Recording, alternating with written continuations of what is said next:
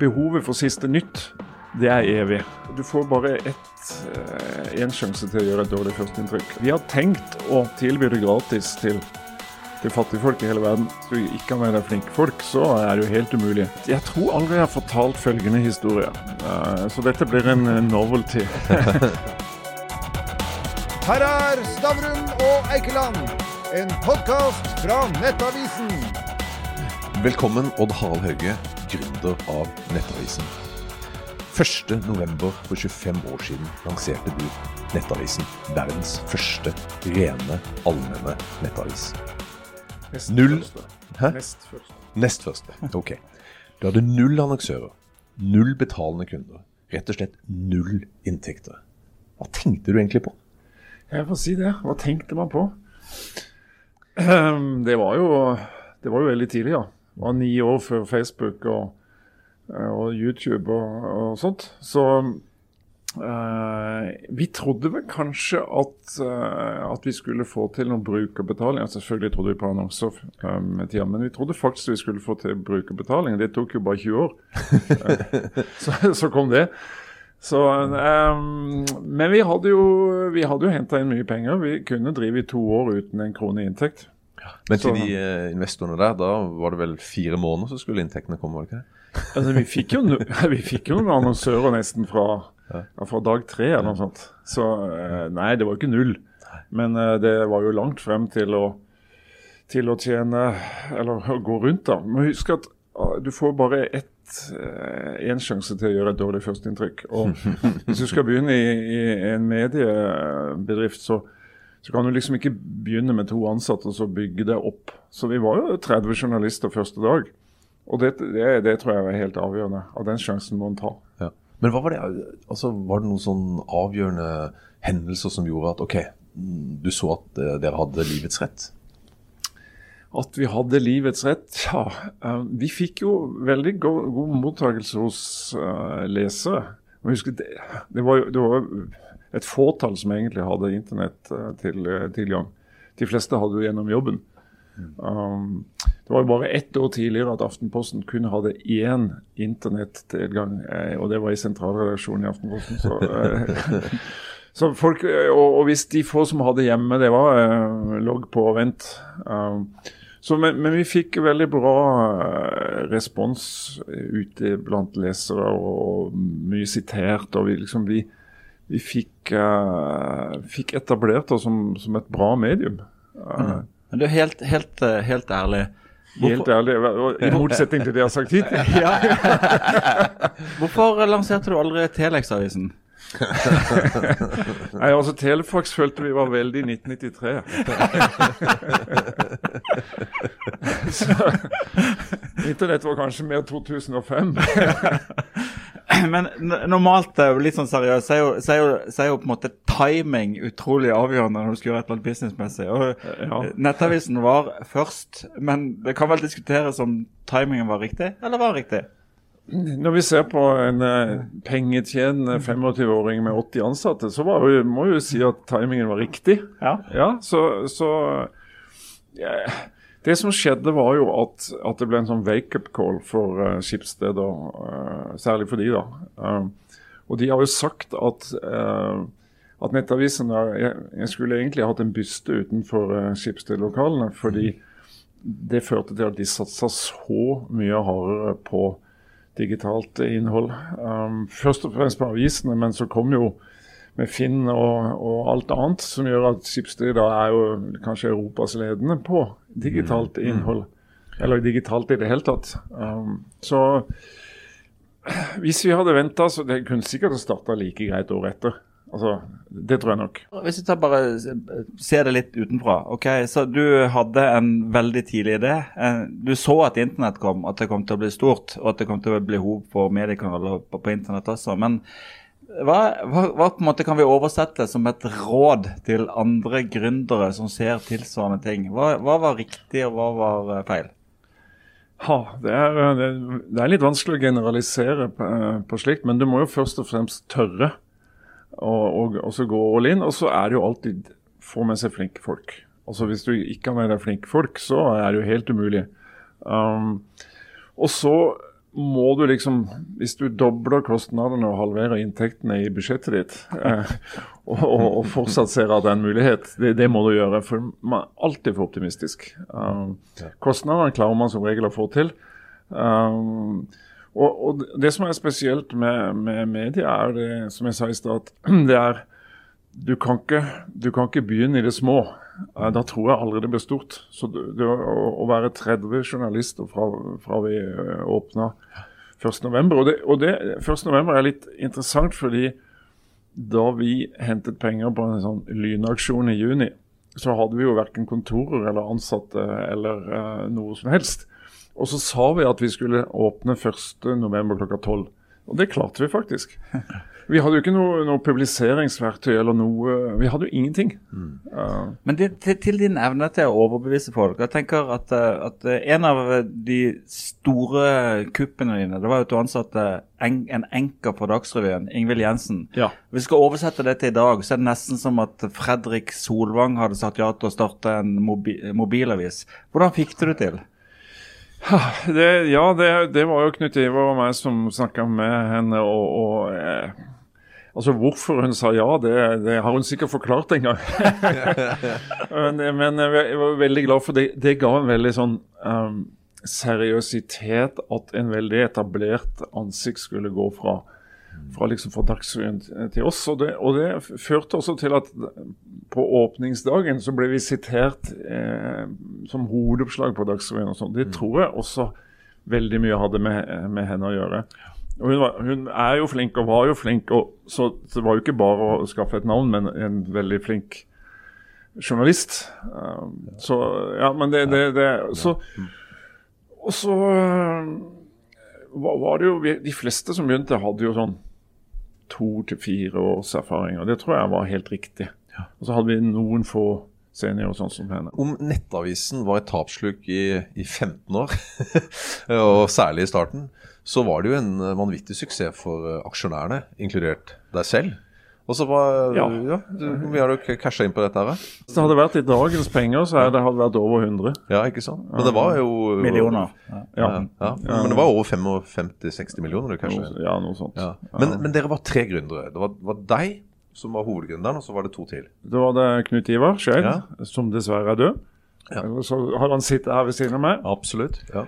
Og så var det um, Stig Eide Sivertsen. Ja. Og han var jo veldig viktig i forhold til uh, å få inn aksjonærer. Han hadde jo en, uh, en veldig bra karriere, og, mm. både før og etter Nettavisen. Mm. Um, så, så, han ga jo også veldig troverdighet til, til det. Og så Knut Ivar han var jo uh, redaktør i Finansavisen, så han han var uh, ukjent um, da vi henta de pengene, så det var Stig og meg som gjorde det. Um, og, så, og, Stig var jo bare med det første året, da. Uh, så, men, men, han en, hadde en viktig rolle i dette. Ja, men, men det kunne jo vært en gründer til. Gunnar. altså, ja. Hva tenkte du med? Altså, Du har jo gått glipp av 60 millioner kroner. Ja, jeg pleier å si at, at analysen, analysen, min var riktig, men, men, konklusjonen var feil. Jeg trodde det kom til å bli veldig tøft å få en lønnsom nettavis, men uh, jeg har vel regnet ut etter snart 30 år at jeg snart har tjent like mye penger som Odd Harald på, på, nettavisen, men jeg måtte jobbe i 30 år med det. Du kunne pensjonert deg for 30 år siden. Og, ja. Kos deg med golf sånn. Ja, nei, det er helt riktig at jeg spurte Gunnar. Uh, Neida, nei. så, så, men jeg har, jeg har ikke plaga mye med det. ja. Men du, eh, det er jo noen vidunderligheter ved Nettavisens historie. En av det er at eh, dere dro rundt, fikk inn penger fra noen gründere. Nei, fra, fra noen tidligere investorer. Året etter fikk dere inn enda flere norske investorer. Alle de som var med tidligere, tjente to-tre ganger pengene sine på Nettavisen. Så solgte dere til svensker, så solgte videre til tyskere, og så ble det kjøpt tilbake fra TV 2. Og Kortversjonen er at alle norske investorer har tjent grovt på Nettavisen. Tyskerne og, sven og svenskene har tapt masse. Det er jo en gullhistorie. Er det ikke deilig? ja, det er jo kanskje det beste med alt. ja, det er jo herlig. Nei, altså, de, de tyskerne var um, Ja, hva skal jeg si de, Svenskene var jo rare. Uh, men de hadde Dette var jo Da pika jo uh, internettbobla. Uh, og, og jeg, jeg, jeg tror aldri jeg har fortalt følgende historie, uh, så dette blir en novelty. og det er at i, i februar 2001 så skulle Spray hente penger i London ved hjelp av Goldman Sachs. Eh, og, og de var um, Jeg var over der og bidro til, uh, til å opplyse gullmennene i saksa. Um, og da skjønte jeg ut fra uh, de verdivurderinger som lå på bordet, at altså, det var så mange svimlende milliarder at Nettavisen i, i dette var ja, indirekte verdsatt til 6 milliarder kroner. og, og så hadde jo alle ansatte fått, uh, fått opsjoner. Eh, så jeg regnet ut på, på flyet hjem eh, at hver og en som satt rundt i lokalene her, hadde opsjoner for 15-20 millioner kroner. Jeg sa ikke et ord. Eh, for den, den lykken hadde jo bare vart et par måneder. Så hadde det vært null. De kunne tapetsere kontoret med de opsjonene. Ja, altså det, det hadde jo vært en ufattelig ulykke å spre, det, spre den kunnskapen. Så, Men, eh, hvor mye var dine opsjoner? Faktisk så tror jeg ikke at jeg fikk jeg, jeg, tror ikke, jeg tror bare det var de ansatte. Altså, Jeg tror ikke Knut Ivar og meg fikk noen opsjoner i den. Jeg kan iallfall ikke huske det. Men du fikk jo ut litt ekstra inntekter sånn etter du salget også, for da var det litt avhengig av hvor mange klikk man fikk. Der var dere flinke. Der var vi veldig flinke. Um, så så det var, det var eh, performance-basert. Um, hvor overskudd var en av de, men det fikk jeg forhandla bort etter en stund. Men- jeg syns det var helt tullete å fokusere på overskudd.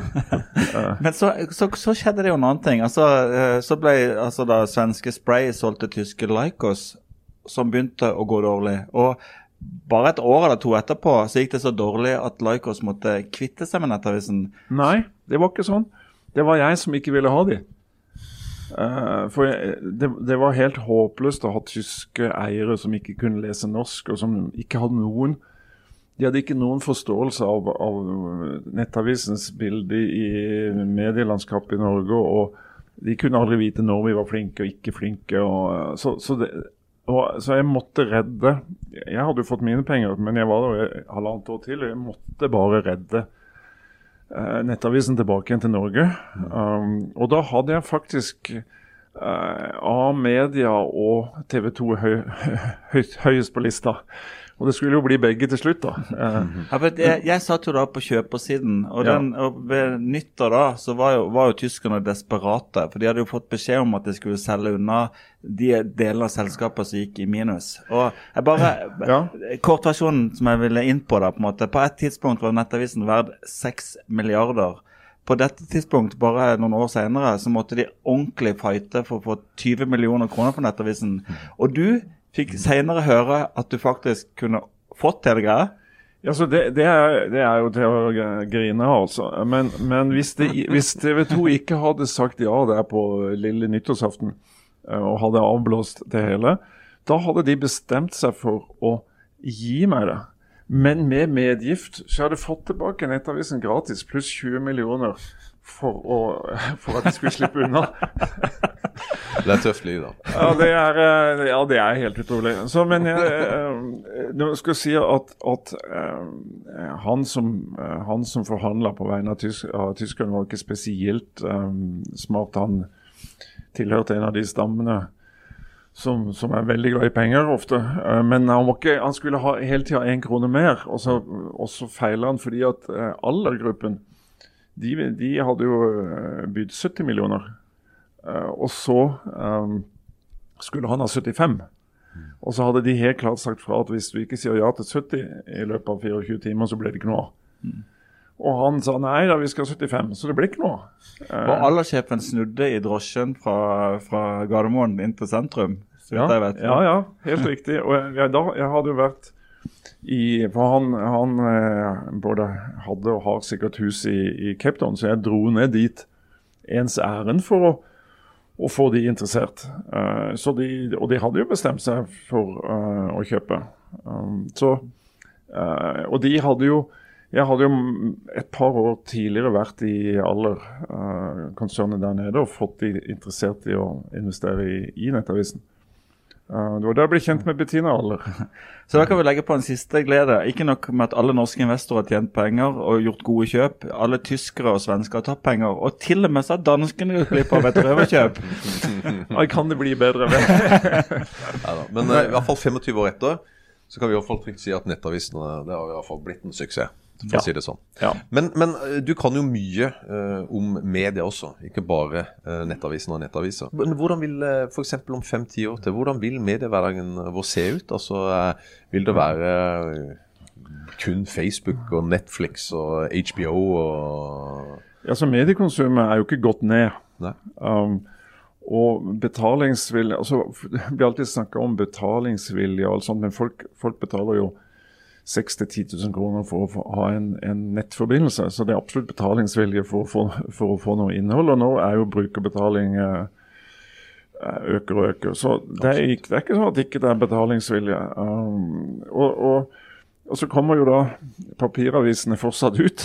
Uh, men jeg, jeg har vel ikke kjøpt en papiravis på det, på det jeg kan huske, og det gjelder kanskje dere òg. Altså Det er jo for så vidt nokså likegyldig eh, om Det er nokså likegyldig om, papir, om en avisen som fenomen blir levert til deg som en eh, e-utgave du leser på paden eller på papir. Det er Ja. også likegyldig om eh, eh, altså Det er ikke likegyldig at du ser du ser levende bilder på TV, men det vi diskuterer egentlig er vi ønsker at noen andre skal lage en programmering for oss som gjør at vi må se ting klokka syv. Og det ønsker vi ikke. sant? Nei. Et, et, noe, noe man trodde helt fra, fra vi starta Nettavisen, så Jeg har aldri trodd det, men mange har trodd det, var at, at folk ville ha sin personifiserte avis. Det vil den ikke. Det har aldri, det er, det har også forsøkt det om igjen, men det, det er ikke noe interesse. For, for Det er liksom at du vil vite hva de andre vet. Altså, Uh, Du er ikke interessert i å bare ha, kikke gjennom et nøkkelhull og få dine, få dine nyheter. Og, så, er- så at den funksjonen å, å redigere nyhetsbildet, den er jo viktigere enn noen gang. Uh, og så hvilken plattform du får det på, er jeg enig med deg, Gunnar. Det er ganske uinteressant. Uh, så, uh, og så er det jo, har det jo skjedd en enorm endring innenfor um, annonser, hvor, hvor de amerikanske gigantene soper til seg nesten hele annonsemarkedet og betaler ingen skatt. Uh, og det, det syns jeg er helt grotesk. Uh, Men nå, nå begynner det jo å bli eh, veldig mektige nå, f.eks. Facebook. da. Nå spiller det jo eh, aktive roller i valgkamper og, og sånt. Eh, de er jo under press akkurat nå, men, men tror du nå at uh, vi får en Rockefeller? Uh, sånn som det skjedde med giga oljegiganten for eh, jeg vet ikke, 100, snart, Ja, altså, det, 100 år du, siden? ingenting varer, var evig, og nå er, jo ikke, nå er jo ikke 16 år for, for, for Facebook er ikke akkurat evig. Men, men alle disse som er 100% avhengig av oss konsumenter, i det øyeblikk vi sier nok, vi har fått nok av Facebook, da er de stein døde. Uh, og det, liksom, jeg begynte å bruke en annen søkemotor enn Google. Jeg bruker DuckDuckGo. Ingen sporing av noe som helst, og den vokser som wildfire. Vi har en tendens til å tro at de som er mektige til enhver tid, har vunnet hegemoniet til evig tid. De har glemt f.eks. MySpace, som var kjempestor før Ja. Facebook. Og mange unge i dag bruker ikke Facebook. De syns at det er plattformen for gamlinger. Ja, og Så det er ting, det jo. ting endrer seg. Ja.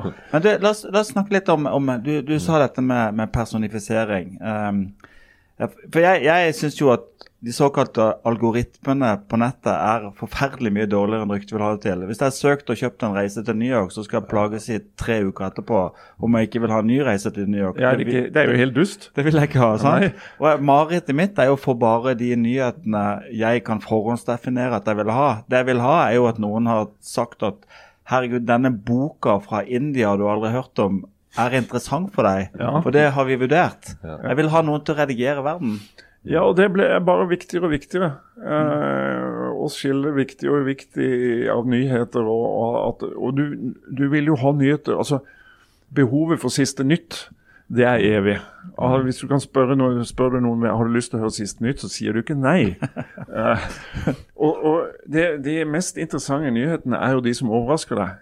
Eh, det du ikke kunne tenke deg uh, skjer.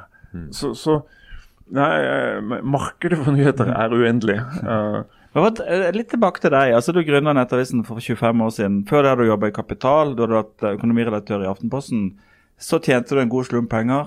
Hva har du drevet med siden, bortsett fra at du går til Sydpolen og Mount Everest sammen med folk uten hender? Ja. Ja, det, er, det kan være tidkrevende, det. Jeg har jo for så vidt Jeg har jo vært gründer om mye forskjellig, og så har jeg skrevet mange bøker. Og så er jeg konsulent og investor, og jeg har aldri hatt så mye å gjøre som nå. Um, Så ikke Så- kjeder deg i det hele tatt? nei, kjeder, jeg har aldri kjeda meg et sekund. Og det tror jeg det er, det er de som kjeder seg, får skylde seg sjøl, altså. Ja, det er- Um, hva, hva er det du investerer i? Hva slags ting er du interessert i? teknologi. Ja. Og som sikkert folk har lest, så har jeg investert i eiendom. og så er jeg veldig veldig ivrig på innsidehandel for tida. Det du refererer til, er på en måte en fersk sak i Oslo tingrett, var det vel, eh, som jo da ikke er rettskraftig. Men der, der fikk du deg inn på trynet. Ja, vi, vi skjønte ikke en puck av, av den dommen, så vi har jo selvfølgelig anka. Um, jeg tror kanskje advokatene var litt vel sikre på å vinne. Uh, og det var vi òg. Så vi får bare gjøre det bedre neste gang. Men hva slags eh, teknologi? mye.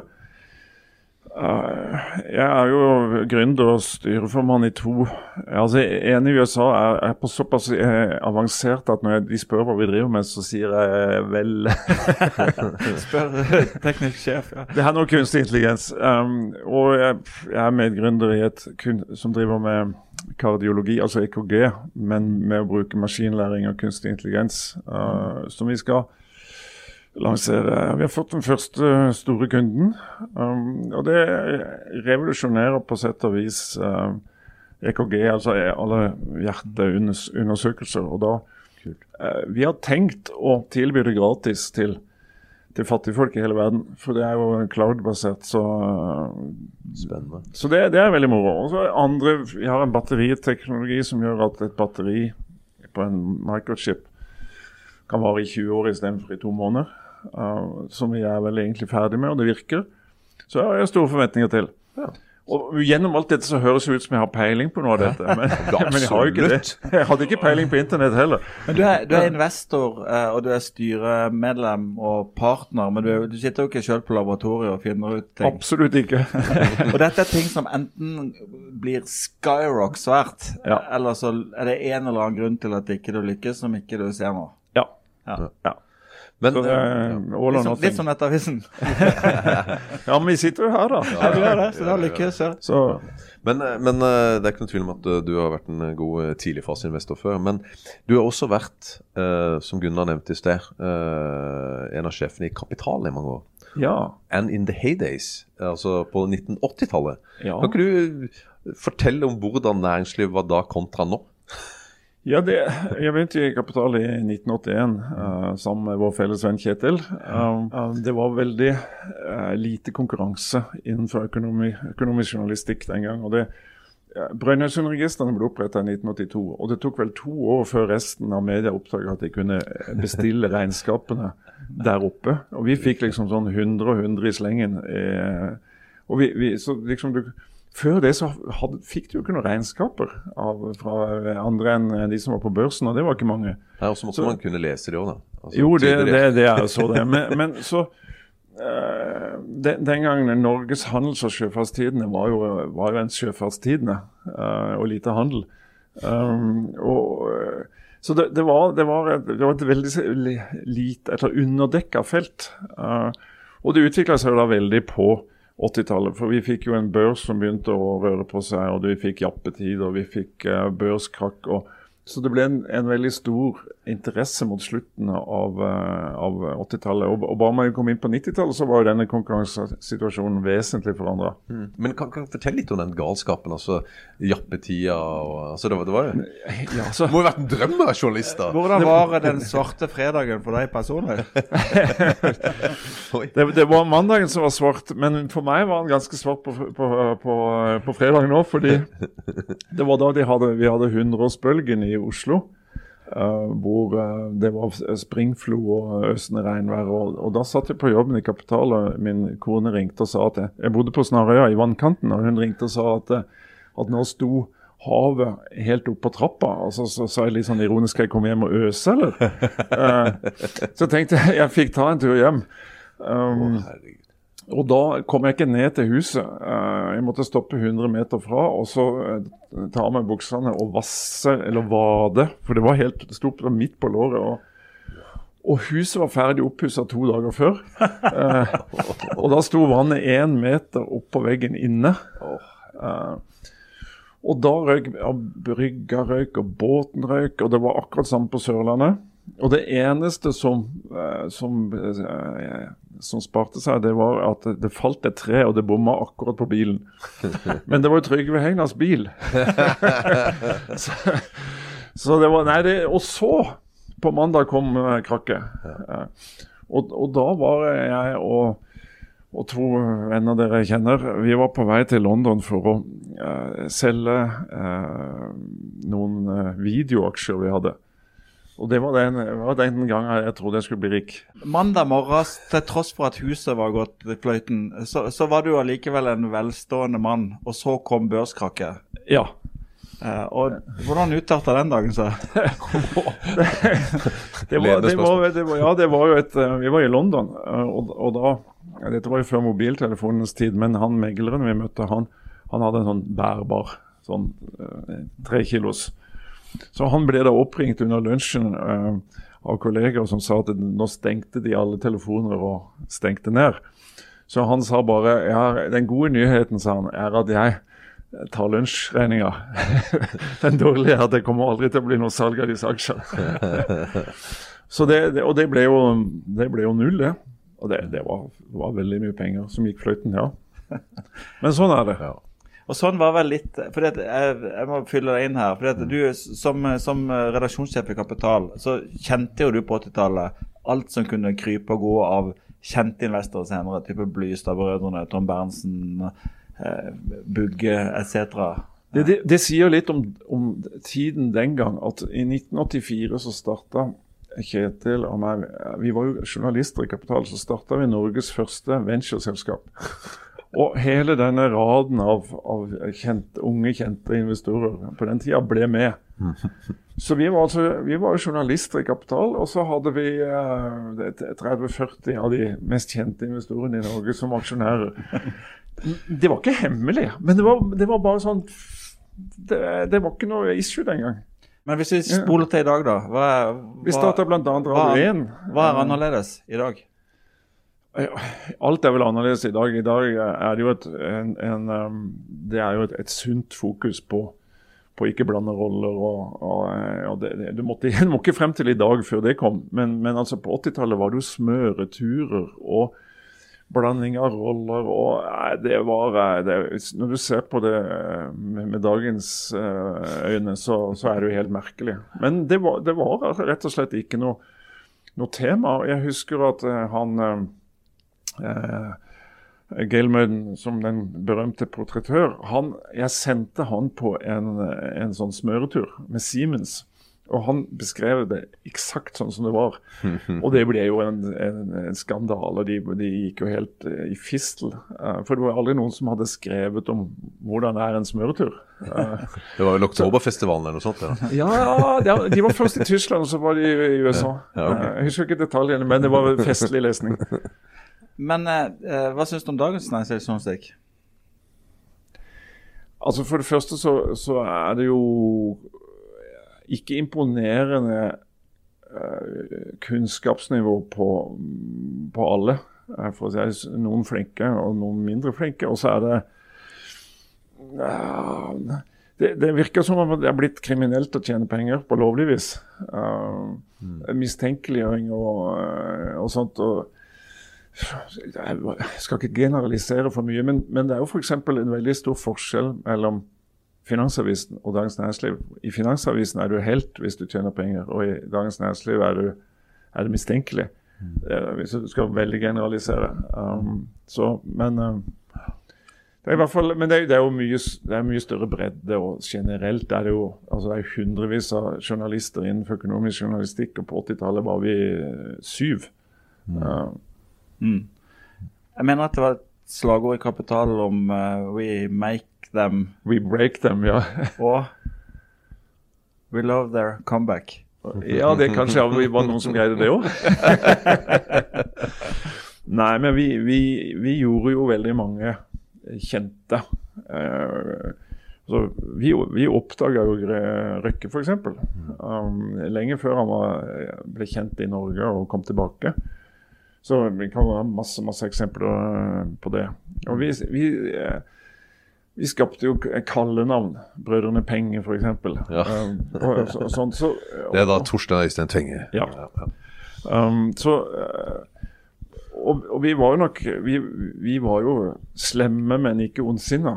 Um, så vi beholdt vel egentlig god tone med, med alle, selv om det var mye Kanskje litt, litt for fleipete og litt for slurvete i ny og ne. Uh, så ja, så skrev vi jo uten byline uh, den gang i, i Kapital. Det er en ting. Det er, ja Trygve, tr- jeg tror ikke han gjorde det for, for at han skulle ha all æren, men hans, hans forbilde var jo uh, Spiegel. Og, og der tror jeg fortsatt de er uten. Jeg er ikke helt sikker, men de var i hvert fall det den gang. Um, de gjorde i hvert fall at det var ingen av oss som fikk noe jobbtilbud.